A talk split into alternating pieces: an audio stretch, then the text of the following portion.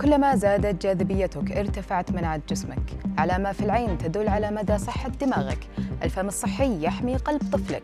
أبرز أخبار الساعة الأربع والعشرين الماضية في دقيقتين على العربية بودكاست. قالت دراسة أمريكية أن الأشخاص الجذابين يتمتعون بجهاز مناعي أفضل من غيرهم. بحسب تقرير لصحيفة ديلي ميل البريطانية نقلا عن باحثين من جامعة تكساس كريستيان. الدراسة شملت 152 رجلا وامرأة. تم التقاط صور لهم بتعبيرات وجوه محايدة ودون وضع مستحضرات تجميل. ووجد الفريق أن أكثر الرجال والنساء وسامة لديهم معدلات أعلى لوسائل الدفاع المناعية الطبيعية في جسم الإنسان حيث تدمر خلايا الدم البيضاء البكتيريا والفيروسات قبل أن تصيب الإنسان بالأمراض.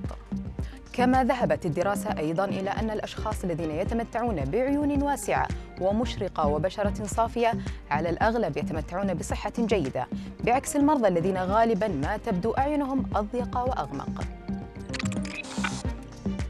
كشفت دراسة جديدة أجراها باحثون في مستشفى بنيوزيلندا عن علامة واضحة على ضعف الأداء المعرفي في بداية الحياة وفي مرحلة البلوغ. يمكن رصدها من العين. وأفادت نتائج الدراسة والتي أجريت على حوالي ألف طفل أنه يمكن إجراء اختبار بسيط للعين قد يمهد يوما ما الطريق للتنبؤ بخطر إصابة الشخص بأمراض خطيرة مثل مرض الزهايمر وفقا لما نشر في موقع جاما أوبتومولوجي وقام الباحثون بعد خمسة عقود بتحليل مجموعة فرعية خضعوا لفحص العين إلى جانب مجموعة من اختبارات علم النفس العصبي وقياس سمك شبكية العين. وأظهر التحليل أن المشاركين في الدراسة الذين لديهم طبقات شبكية أرق سجلوا درجات أقل في اختبار الأداء المعرفي سواء كبالغين أو عندما كانوا أطفالاً.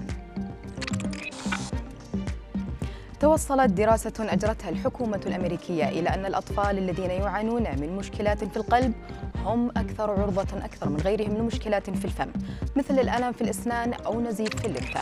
الدراسة وجدت أيضا أن لدى 10% من الأطفال والمراهقين الأمريكيين الذين يعانون من مشكلات في القلب تتراوح صحة أسنانهم بين عادية إلى جيدة وفقا لتصنيف آبائهم وكان هذا ضعفي عدد الأطفال الذين لا يعانون من مشكلات في القلب. وبحسب باحثي الدراسة فإن الأمر مصدر قلق جزئي.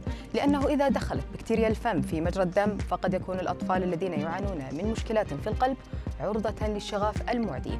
وهو التهاب يهدد الحياة لأنه يصيب البطانة الداخلية لحجرات القلب وصماماته.